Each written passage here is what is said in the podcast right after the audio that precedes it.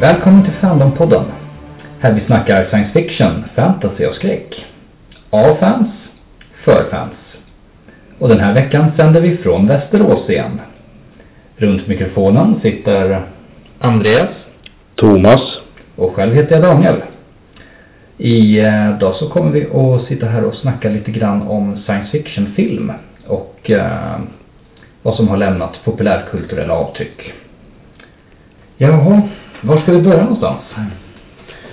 Ska vi börja med det ursprungligaste? Eller den äldsta? Oj, vad skulle du säga att det är? Jag skulle tro att det är Resan till månen. Ja, jag tror det också. Vi kan ninja-googla det lite eller så eh, kan vi utgå från att det är en av de allra första science fiction-filmerna som gjordes. Ja. Det, när var det? 1902 va? Finns väl att söka på på Youtube om man vill titta på den. Jag tror hela filmen finns där. Mhm. Sen kan man väl prata om huruvida det egentligen är en science fiction så mycket. Det är väl mer bara vi åker till månen, vi springer runt, vi träffar lite läskiga utomjordingar och så händer det väl inte så himla mycket mer. Nej, men drömmen om månen fanns ju. Och man ville ju åka dit så småningom på riktigt så jag tror det kan vara en science fiction Mm. för sin tid. Mhm. Ja, den har väl egentligen kanske mest lämnat avtryck med den där klassiska bilden på, eh, på mångubben som får den här raketen i, i plytet. Ja. Den har de flesta sett. Ja, den är väl återanvänd i någon sån här musikvideos. Tror jag har sett någon gång. Typ eh, Sledgehammer med Peter Gabriel eller något sånt där. Ja, men vänta. Det, Eh, jag har något sånt här minne utav. Är det inte Smashing Pumpkins? Ja, det är de som har. Är det? Ja, så kan det Ja, det är det. det är, nu när du säger det. Ja. Jo, de har ju an, återanvänt den där Ja. mån- månfiguren och mycket av i någon musikvideo. Så där kanske ni kan komma ihåg också. Att ni kanske har sett den här månfiguren utan att ha tänkt på det. Aha. Och den har väl dykt upp i väldigt många olika medium. Mhm. Och eh, vad, vi, vad vi fick fram tidigare när vi tittade runt lite, det var väl att både H.G. Wells som gjorde Världarnas krig Mm. och Jules Verne som gjorde Från jorden till månen och en massa andra sådana där böcker Mm.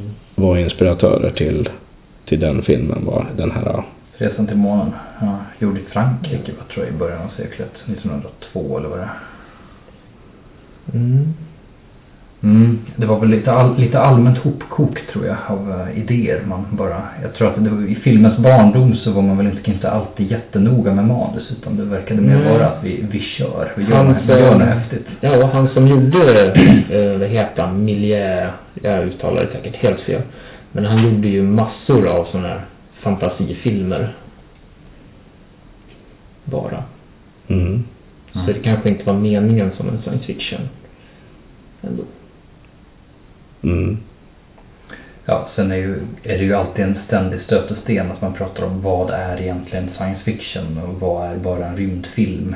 Det Ja. kommer vi ju kanske kunna sitta och stöta och blöta om vi till exempel ska komma in på Star Wars. Men då går vi kanske händelserna lite i förväg. Men det är ju en, en film som man kan diskutera om den huruvida den egentligen är en science fiction. eh, Eller om det bara är en western i rymden. Men eh, som jag ser det så är den ju värd att ta upp i ett sånt här sammanhang med tanke på det jättestora populärkulturella avtryck den har satt och hur mycket den har påverkat. Absolut. Och öppnat dörrar för inte annat. Så när vi ändå tittar nu då kronologiskt, då har vi alltså eh, börjat med Resan till månen, heter den så? Ja. Mm. Och eh, landar vi på Metropolis sen eller? Ja, vi, pratade, vi satt ju och pratade om den lite här innan. Eh, Det är ju en, tycker jag, en väldigt intressant film. eh, Från, eh, gjord i Tyskland på 20-talet. Eh, 27 tror jag vi kom fram till att den var, stumfilm. Eh, Den är ju väldigt eh, kul på många sätt. Eh, Den har ju varit en inspirationskälla till ganska mycket. Eh, men jag- jag brukar väl säga när jag ser den att symbolisk är bara förnamnet om man säger så med den filmen. Ehm, du menar du då att estetiken liksom kommer igen senare eller eh, vad tänker du på? Ja, det, det är så mycket estetik i den filmen som betyder så mycket. Som inte är, inte är logiskt men är en symbol för saker. Liksom att arbetarklassen bor under staden och ju, ju rikare du är desto högre upp i stadens byggnader bor du och Mm. sådana här saker. Liksom. Kanske lite väl övertydliga pekpinnar kanske men det, det finns, den är ju full av sånt. Ehm, det, som, det som är lite kul med den att det är ju en av de eh, väldigt fascinerande, finns en väldigt fascinerande scen med en, en robot, den, den klassiska androiden som dyker upp där på film för första gången. Eh, som eh, knatar omkring. Eh, And, Android i egenskapen utav att det är en, en robot som är gjord för att likna människa, eller Precis, hur? Absolut. Mm. Och eh, tittar man lite där så har ju den återigen om vi eh, eh om vi tar upp Star Wars så har ju den inspirerat estetiken för eh, roboten C3PO. Så att det, googlar man lite bilder där från eh, Fake Maria från Metropolis och eh, C3PO så ser man ju att det, det går, man kan kalkera av nästan hur roboten är liksom är byggd och designad. Så att det, det, det finns ju en röd tråd. Mm. Jag såg ju filmen nu för bara två dagar sedan Mm. för första gången och jag vart ju riktigt förvånad över hur välgjord framtidsspådom, alltså inte till hundra procent men så, samma sak som man pratar om idag. Om eh, farorna med ja, klassamhälle och människor och robotar som byggs upp. Ja, det är kul att höra. Mm. Jag har inte Så- sett den tyvärr. Även om den är väldigt gammal så är den absolut värd att se. Mm. Det är vad jag vet också den första filmen som eh, dök upp på eh, Unescos lista över skyddsvärda dokument. Mhm. Uh, läste jag någonstans. Det, det finns några till numera men jag tror att det var den första. Eh, den har ju restaurerats i några omgångar och Jo. En kul, kul anekdot om den också är ju att den eh, Eh, den var ju extremt lång film eh, och den, den klipptes ju ner för För den amerikanska premiären så klipptes den ner för att den ansågs lite för lång. Så att när den skeppades över Atlanten så var det ju en nerklippt version som amerikanska publiken fick se. Sen eh, de kopiorna som då fanns kvar i Tyskland, de eh, försvann, brann väl upp under andra världskriget. Så att de ansågs ju vara helt förlorade i väldigt många år. Tills man hittade någon mer eller mindre komplett version i, var Argentina? Mm. Eh, tror jag det var. Det fanns i något källarvalv. Man hittade någon scen och de hade tittat på den. Men vad lång den är. Och insåg att det här verkar vara en komplett version. Så den sitter man väl just nu och restaurerar så vitt jag vet. Intressant detektivarbete. Lite att spåra en film så. Mhm. Ja, verkligen. Så, vad, vad har den betytt kan man säga? Den har ju satt, eh, har ju satt en del avtryck och alltså, vad jag tänker ju direkt på det här när du beskriver det här med klasserna och att man bor eh, långt ner och man inte har så mycket pengar och sådär. Det tycker jag man läser i sådana här eh, science fiction-spel eller tech, Mm. ja typ såna här eh, dystopisk framtidsrollspel och jag, jag tycker det återkommer i väldigt många såna här världsbeskrivningar på Mm. andra ställen. Jo, det är Och- på. Det är nästan så jag tänkte på Blade Runner också. Ja. Mhm. I de här stora eh, byggnaderna där man där man fick intryck av att eh, de här eh, rika bodde högre upp. Och, Jo, och så den här filmen som kom för bara några år sedan som hette Elysium. Den var väl ingen vidare film tycker jag, men då är det ju att de rika har lämnat jorden och bor i en omloppsbana i en rymdstation. Och sen alla fattiga kvar på jorden och sliter för att de rika ska fortsätta vara rika. Mm. Och det är inte en annan variant. Men likväl så bor de rika högre upp. mm, Du nämnde Blade Runner. Den är väl tidigt 80-tal någon gång. Um, ska vi eh, ta ett litet hopp helt enkelt bara i kronologin och studsa lite fram och tillbaka och Ja, det Prata kan ju följa temat så. mm. med, med klassamhälle och annat med Ja. replikanterna. Det är väl också ett lite återkommande tema med skapa någon form av antingen robotklass eller eh, annan form av slavvarelse man har skapat som sen gör uppror och Mm. eh, Ja, alltså replikanterna i den, där, där, där används väl de i miljöer där människor stryker med rätt fort. mm, Och- gru, gruvor på andra planeter och annat. Mm. Ja, och eh, på det sättet så tycker jag det är kopplat till det här med klassamhälle och sådär. Men i övrigt så, så tycker jag om man tittar på Blade Runner som film är väl det mer en detektivstory i framtiden. Och eh, en fråga om, det är ganska mycket filosofiska frågor om vad en människa är Mhm. och eh, när den blir värd och vilka rättigheter den ska ha. Mhm. Och så här lite Eftersom jag är Star Trek-nörd så tänker jag på Next Generations Measure of a Man där Mm. man frågar om data är, ska ha män, äh, mänskliga rättigheter eller inte. Och jag tycker Blade Runner handlar lite om det också. Mm. Så eh, den är nog ett, ett mera modernt tag på Metropolis kanske då för den som inte har sett Metropolis. Jo, då redan där kommer väl frågan, vad går gränsen mellan människa och maskin? Mm. Lite. När, Mm. eller när blir en robot människa eller levande? Mm.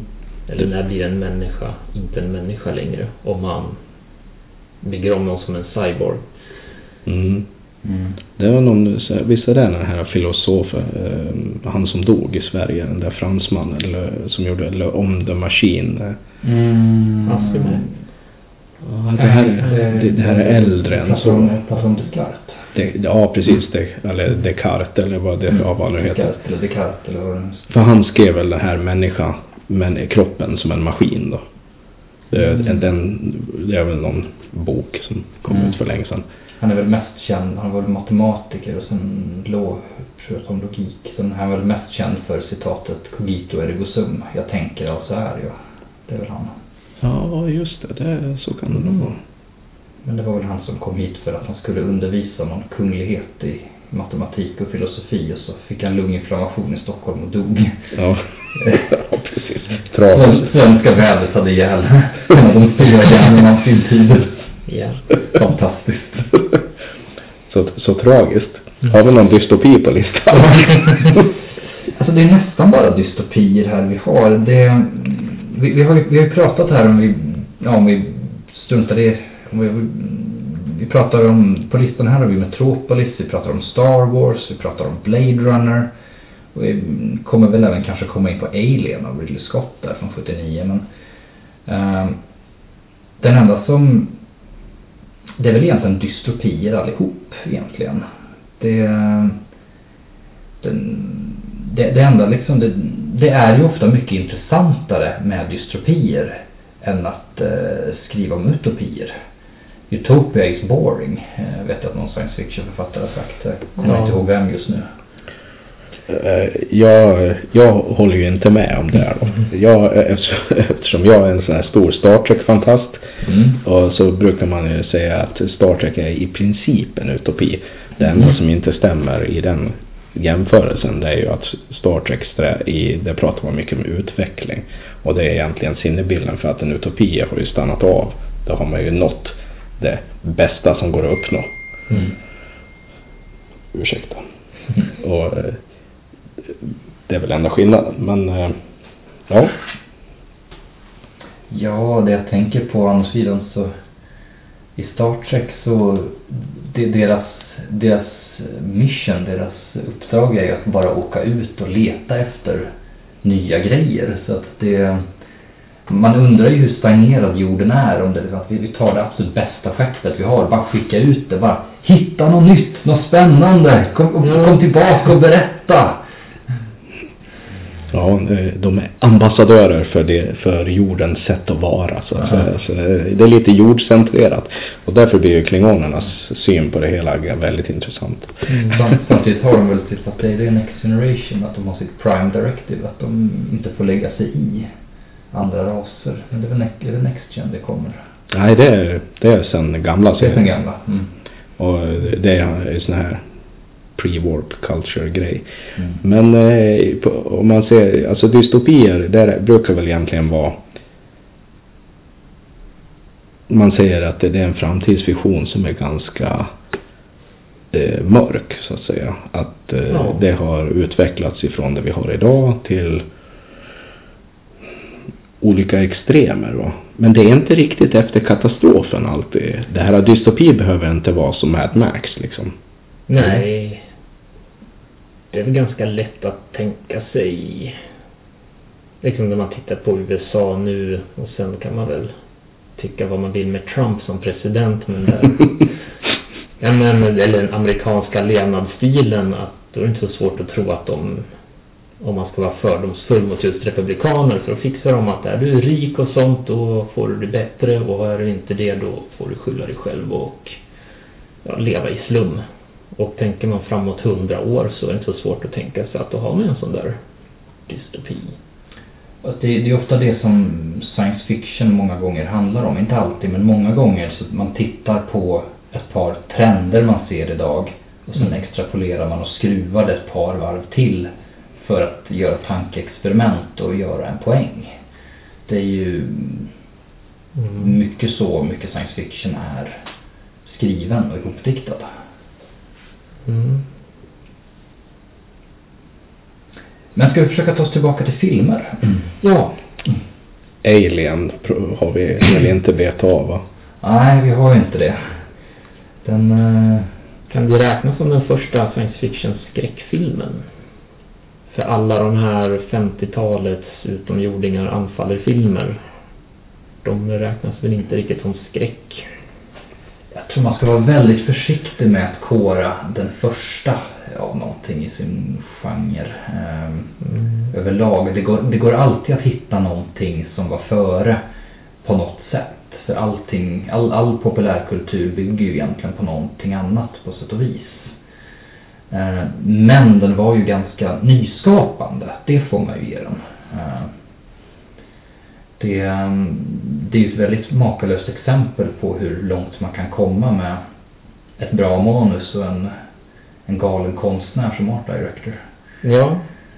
Jag menar eh, formgivaren de hittade som fick sitt genombrott väldigt mycket det var ju eh, H.R. Giger.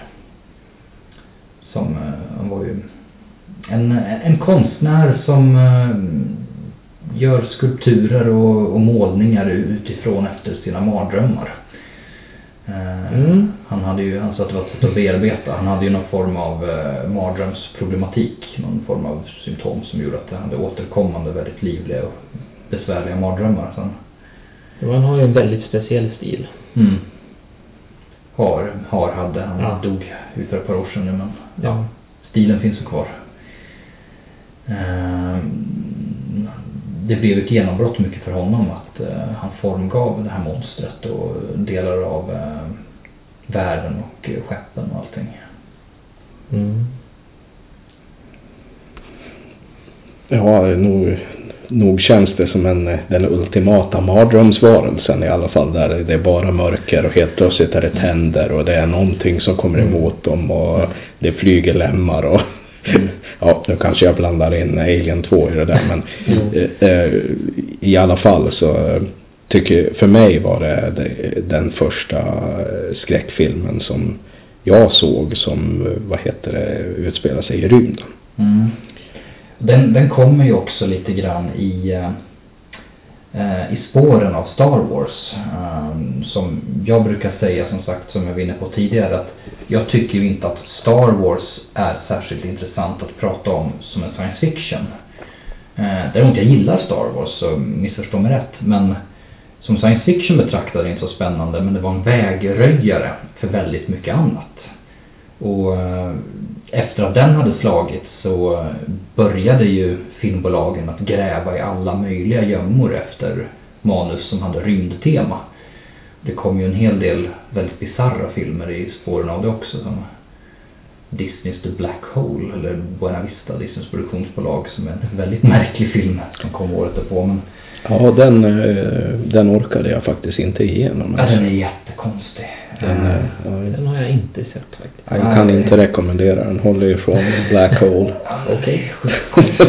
Men i alla fall där eh, Star Wars kom ju 77 och 79 släpptes ju Alien.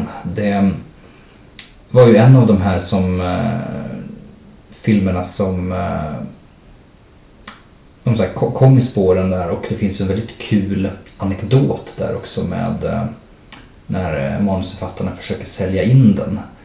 Och eh, de står i, faktiskt en av dem står i en hiss med en toppnamn på filmbolaget. Och han säger att ah, jag har ett manus här liksom om, om science fiction. Ah, vad är det för något? Han säger It's like Jaws, but in space. Och eh, jag tror att du nämnde här förut här innan vi började spela in att du tycker att den påminner ganska mycket om Hajen. Och jag, skrattade ganska gott där och sa att jo, det, det visste nog filmskaparna också att den gjorde. Alltså, nu vet jag inte om jag har hört talas om det där men det, det blir så. Jag, jag tror att det är ett sätt för mig att säga att jag tycker den är, är bra. Mm. För att Hajen, den, eh, jag, jag, för mig så var den eh, superbra. Mm. Det har satt som på nålar hela tiden när jag såg Hajen. Mm. Och det var lite lika med den här Alien-filmen, att den var ju väldigt spännande hela tiden. Mm. Mm. Men det här, det här är ju liksom lite, nu har vi snackat lite monster ett tag. Det står King Kong på din tröja där. Och eh, då har vi har ju King Kong, vi har Hajen och vi har, vi har den här eh, åttonde passageraren. Mm. Det är ju, det känns som att, eh, sen är det Godzilla då. Mm. Då har vi, då har vi allihopa på samma ställe. Ja. Men man kanske ska stoppa in Frankenstein på Törnby också. Ja, det ansågs väl som en science fiction. En, Faktiskt. en av de första får man nog kanske kalla det. Ja. lite drömmen om evigt liv. Uh, i, i, som jag tänkte, vad, vad, vad handlar Frankenstein om? Är det drömmen om evigt liv? Drömmen om evigt liv men också lite grann det här med Att att kunna skapa liv. kunna skapa liv och att en, det man har skapat Mm. kommer tillbaka och eh, Hemsöker den. hemsöker den. Att man, det man skapat hamnar Mm. utanför ens kontroll. Det, det var vi ju inne på lite grann att det är ett återkommande tema i till exempel i Blade Runner. Eh, även i Metropolis från 1927 med den här roboten som Mm. som de sätter in för att eh, kunna kontrollera eh, den, en robot som, som byggs för att då efterlikna arbetarklassens eh, eh, en av deras ledare men eh, eh, den, eh, den går ju bara bananas i slutändan. Mm. Och det är väl ett ganska vanligt tema i väldigt många eh, filmer och serier och genrer nu att just där människor skapar som robotar som sen kommer och slår tillbaka. Och det tänker jag väl som Battlestar Galactica. Ja, Jurassic Park också va? Ja, Jurassic Park. Fast det var inte robotar. AI. Nej men någonting människan har skapat som Ja. kommer Mm. slå tillbaka. Mm. Hette den AI med den här med Will Smith som superpolis. Uh, I, Robot. Ja, så heter den. Åh herregud, iRobot. den. Inte- Ja, lö- löst, löst baserat på Asimovs Bok, ja. ja, mm, ja, bok eller eh, novellsamling. Men ja, det, det, där kan man prata, prata Frankenstein. Att vi, vi, Mm. vi, hugg, vi hugger sönder boken så syr vi ihop den till någonting. Ja. Mm. Ja, det, det, det var en väldigt konstig film på så sätt tycker jag. Att den, jag har svårt att förstå. Den, den hade egentligen en väldigt bra idé. Eh, men den bara inte funkar och jag har väldigt svårt Mm. att sätta fingret på varför eh, jag kände att iRobot inte funkade. Jag har väldigt svårt att ge en konkret skäl till att jag tycker att den är väldigt dålig. Men den, den har en idé och en plott som är så mycket bättre än vad filmen förtjänar. Alltså jag, jag tycker att eh, iRobot var, eh, var underhållande. Men eh, kanske fattas någonting. Ni som hör det här, ni kanske kan eh, säga vad ni tycker i en, i svarpodcast eller någonting sånt där. Eller vad säger ni om det? Var inte det kul? Mm. Nej, jag såg den när den var ny bara. Sen har jag inte sett den. Men jag minns väl att den var väl underhållande bara. Mm. Men inget speciellt. Mm. Det människoskapade, ja det är temat. Mm. Mm. Stjärnornas krig har jag varit inne mycket på. Mm, ja, det, det är ju en elefant i rummet som man måste förhålla sig till på något Ja. sätt. Den är ju så en oerhört eh, populärkulturellt fenomen utan, nästan utan motstycke. Mm. Och den drar ju till den här udda grejen att lägga till då eh, som en form av magi med jedi som kan styra saker. Mm. Och då blir det ju nästan som att de blandar in lite fantasy med science fiction. Ja, jag har hört Men- termen space opera. Ja, Rymdopera, att det är liksom lite mer... fast just den delen tror jag inte har fått så stor påverkan på efterkommande filmer. Det har väl varit en massa filmer där de har testat människors psykiska förmåga eller att utöka Mm. dem med olika ja, experiment. Mm. Kan ju vara så att det är just den här idén om kraften är väl en av de mer svagare bitarna i filmen. Ja, Den inte är så mycket att ta efter. kan det vara. Jag kommer ihåg första gången jag såg Stjärnornas krig. Då, det, var- ja, det, det var ju den här slutstriden ovanför eh, dödsstjärnan. Som, Mm. det var den scenen och sen så var det nere i sopnedkastet och introscenen. Det var det som liksom satt kvar i huvudet, kommer jag ihåg att jag... Med det här introt där med det här enorma skeppet som kommer och sen kommer ett ännu större bakom liksom. Mm. Och sen eh, sopnedkastet kommer jag ihåg att det var spännande med tentakler och grejer. Och sen, sen Ja. den här enormt spännande slutstriden. Mm. Men de här filmerna vi har pratat om, liksom, vi har eh, varit inne på framförallt här liksom Resan till månen, Metropolis, Star Wars, Alien, Blade Runner.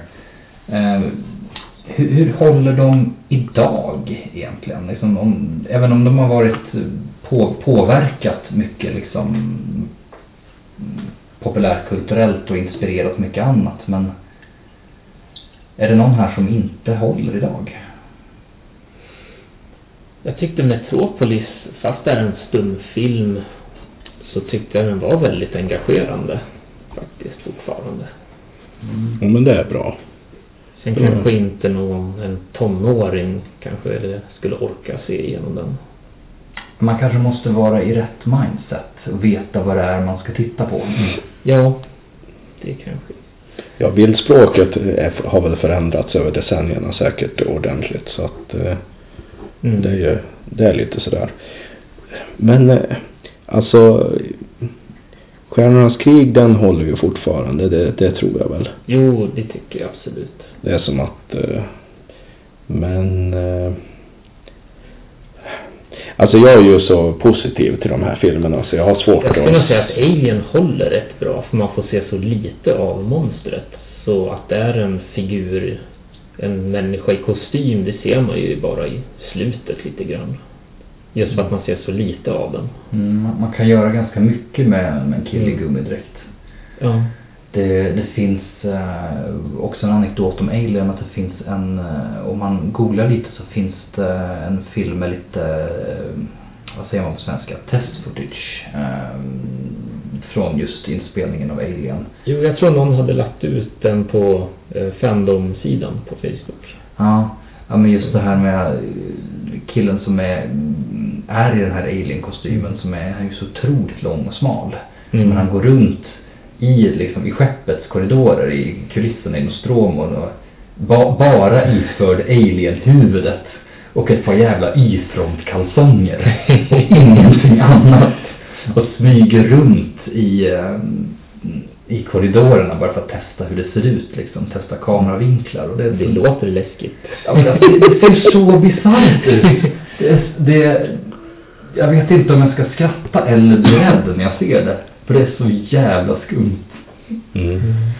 Se om vi kan på något sätt länka det till, länka till det i metadatorn till den här podden eller någonting. Annars så kan ni säkert bara googla på alien test footage så lär man kunna hitta det. Mm. Eh, annan film som dök upp på eh, lite senare år som jag tycker ändå uh, spelade in ganska mycket. Uh, det är ju The Matrix skulle jag vilja säga. Ja, absolut. Den tog ju det här nya datasamhället. Det var väl där när den kom runt 99. 99 är jag ganska säker på. Och det var väl då alla i Sverige hade internet ungefär började ha. Mm. Tror jag. Och då var det ju plötsligt en logisk tanke att då skulle alla kunna koppla upp sig och leva in i en dator så småningom. Men det var ju främst actionscenerna som slog mig när jag såg den Jo. första gången. Ac- Actionscenerna var ju lite speciella. De, eh, de var ju vä- väldigt inspirerade av eh, mycket östasiatisk actionfilm. Liksom med, med firefighting och annat. Men det var ju Mm. det var gjort med en helt annan budget än vad som oftast förekom i, i Hongkong action.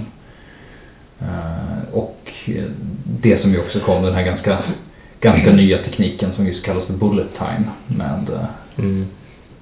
Kameravidningen. Det, det finns några tidiga exempel på det i några musikvideos där man använder det här. Fast inte riktigt lika häftigt. Eh, Jag tror att det även finns någon Rolling Stones video där man använder det. Jag tror idén om Bullet Time kom där innan. För samtidigt som Matrix-filmen kom, då kom det här dataspelet Max Payne. Mm. Och jag tror både filmbolaget och dataspelsföretaget, de stämde varandra för att ha snott idén från varandra. Men jag för mig att eh, domstolen då som dömde kom fram till att nej men ni hittade på det samtidigt. Så Mm. fallet läggs ner. Jag är inte riktigt säker på att det var så i filmen. Det låter ju inte helt orimligt på ett sätt för på något sätt så man, man, man vill gärna tillskriva saker en enskild upphovsman eller det uppstod Mm. då men många saker uppstår parallellt för att på något sätt tiden är mogen. Tekniken finns, tankesättet finns. Det är ju som upp, mm, exempelvis cykeln, liksom, den uppfanns ju liksom på flera ställen parallellt. Så den har ju inte en uppfinnare. Mm. Det är en sak som jag tänker på när jag tänker på Matrix. Det är ju det här med the red eller the blue pill. Mhm. Och det, Ja. det är ju det här med en verklighet bakom verkligheten. Mm. Och jag, visst är det Platon som pratar om det här skuggvärlden bakom, i, ja, som avtecknas mot väggen när man sitter framför en eld. Så den, finns det en värld som man ser och sen är det skuggvärlden. Och då, det, det här med parallella världar är ju, eller vad, vad ska jag säga, det, sanningen bakom världen är ofta lite sådär uh, Och vill man verkligen veta? Ja, ja, precis. För vi kanske har det här Ja. Cthulhu-delen. Där är det ju mycket drömmar och Mm. ja, när drömmaren vaknar då förändras verkligheten så att säga. Mm. Men vad, har har vi någon eh, annan science fiction-film som spelar mycket på det där? Det kanske är de här Inception och Mm. sådär lite senare tema eller? Inception går ju lite på det temat. Um, jag försöker komma på om det finns några One. tidigare exempel. Vad sa du? The One, det var en sån här liten action sci-fi med, vad hette han, inte var det Jackie Chan tror jag. Det är någonting att det finns massa olika dimensioner och vissa av de här då där dödar du dig själv i de andra dimensionerna, då får du kraften från dem. Och sen blir det väl då att han Jackie Chan, eller om det var Jet Li, jag tror det är Jackie Chan. Då är då att ah, någon superskurk i en sån där värld som kan teleportera sig mellan världar, han går och dödar alla sina egna i alla världar och sen finns det bara de två kvar och de två supermänniskor och så möts de i en superfight. There can be only one. Ja, det är det som är temat. Den ja. Det, det var också en fin film. Den, den älskade jag i mina tidiga tonår. Såg om den eh, senare. Jag, jag kan förlåta den mycket för vad den betydde för mig när jag var 14. Men, Det är en sån där film man inte ska se om. Nej. Man ska minnas den. Man ska minnas den varmt. Ja. Vad är det för film vi pratar om? Ja, nu var det Highlander vi snöade in på. Okej, ja det var säkert, det var mitt fel ja. Men eh, Highlander har ju i alla fall Sean Connery. Och Mm. en utav filmvärldens bästa skurkar. Kurgan är faktiskt extremt häftig. Jo. Även Om man har ett larvigt svärd som fäller ut en massa konstiga bitar. Men hans röst är helt jävla... Ja. Ja, vissa filmer funkar jättebra på för sin tid. Men vissa lever ju inte upp. Klarar sig inte genom åren. Det var den här frågan, hur håller den idag? Som vi pratade om de olika här. Eh, Blade Runner tycker jag fortfarande håller. Eh, beroende på vilken version man ser. Vad finns det? Sex olika klippningar av den eller vad är det för någonting? Oj, det är nog mer än tio år sedan jag såg den. Ja. Så jag minns knappt, får jag erkänna. Ja, ja det, den eh, finns ju en herrans massa versioner av just för att Mm. den brå, bråk mellan, dels bråk mellan regissören och filmbolaget och sen kände han väl aldrig att han var riktigt nöjd med den heller. Eh, regissören men den, den ansågs ju av, av film, Fil- Filmbolagets eh, folk ansåg den ju vara för komplex att folk inte skulle fatta. Så att de envisades ju med att lägga på en, en voice-over. Där eh, huvudrollsinnehavaren då Harrison Ford eh, sitter och berättar vad som händer på skärmen. Oj, oj, oj. Det, och han gör det så jävla dåligt. Det är så ostigt så det är inte klokt. Men det är väl ett tema man har gått ifrån numera. Att mycket tidigare filmer fram till 90-2000. Det var väl att då skulle filmerna, speciellt de amerikanska, vara så övertydliga. Fast har man verkligen gått ifrån det? Alltså visst, det har väl kommit mer och mer filmer nu som Ja. kommer där man måste tänka efter. Tittar man på The Arrival så är det absolut inga... Eh, den här nya filmen med Ja. ja, hon som spelar Lois Lane och han som är Hawkeye i, i de filmerna. Men eh, eh, där, där har man ju absolut ingen övertydlighet förrän långt in i filmen. Det är min upplevelse i alla fall. Ja, Jag har inte sett den så jag har överhuvudtaget ingen... Jag Inget jag kan säga om det. den, Men det var väl i slutet det kom lite sådär aha Ja, grej. men det var inte, det var inte någon, någon voice-over på något sätt. Nej. Utan det var egentligen väldigt suggestiva teman hela tiden. Det så här, man såg minnesfragment och mm, historiska händelser och allt vad det var. Jo, man pausar man innan filmen slutar, innan de kommer till slutklämmen och man tänker igenom hela filmen, då kanske man skulle kunna klura ut det innan de sista scenerna. Mm. Men eh, det är i alla fall inte... Jag, jag, jag, jag kommer inte ihåg så många nyare filmer med den här typen av voice-over som man ser i Blade Runner i alla fall. Mm. Nej. Eller så att säga berättarröst eller narrator eller Mm. vad det heter. Det lades ju även på i Blade Runner, det lades ju på ett annat slut också i, eh, som skulle vara lite lyckligare. Så det finns ju en variant av det också. Men det...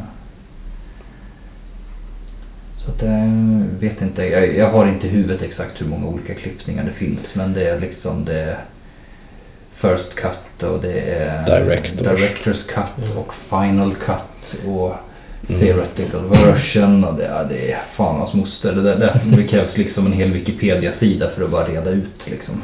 Mm. En rolig grej jag kan berätta är att eh, jag bodde i Göteborg här för några år sedan och jag var upp till eh, Marstrands akvarellmuseum. Och då hade de en utställning med någon, jag tror det var en tjej ifrån New York som hade gjort hela Blade Runner i akvarell. Så här ruta för ruta. Oj. Tjena. Som, jag kanske inte exakt varje men kanske var tionde filmruta gjorde hon som en akvarellmålning. Och Oj. eh, den, de spelade upp hela filmen. Nu hade inte jag tiden dock att se hela men jag tror jag såg en kvart. Mm. Och eh, alltså det var ju konstnärligt tjusigt. Och sen hade de ju originalljud den på då. Mhm. Men den var rätt speciell. Mm. Väldigt snyggt. Det låter som ett gediget arbete i alla fall. Det Jo, jag tror det stod någonting om så här 15 000 målningar eller något det blev. Oh, oh. Ja, jag kommer inte ihåg exakta nummer. Ja. ja, men det låter väl inte otroligt. Men, Ja, det låter otroligt om man skulle hinna med det. det. ja, de kanske var flera som gjorde. ska vi eh, börja runda av det här avsnittet? Det ska vi göra. Vi pratade ju om att vi skulle ge lite filmtips, var det så? Ja, kanske det. Lite saker som vi inte har pratat om utan bara ösa på med några saker som vi eh, kanske tycker att eh, det här är en underskattad liten pärla som man borde kika på. Ja, jag skulle vilja börja där. Och det, det finns en film med Dennis Quaid som heter Enemy Mine. Som är från mitten på 80-talet. Och eh, den handlar egentligen om fiender som blir strandsatta. Och eh, vad händer då? När dödliga fiender blir strandsatta och blir beroende av varandra. Eh, se den. Jag tror att det finns kopplingar framåt. Eh, jag vet att det finns Star Trek-avsnitt som är väldigt inspirerade av den i alla fall. Ja, det kanske finns på fler ställen. Mm.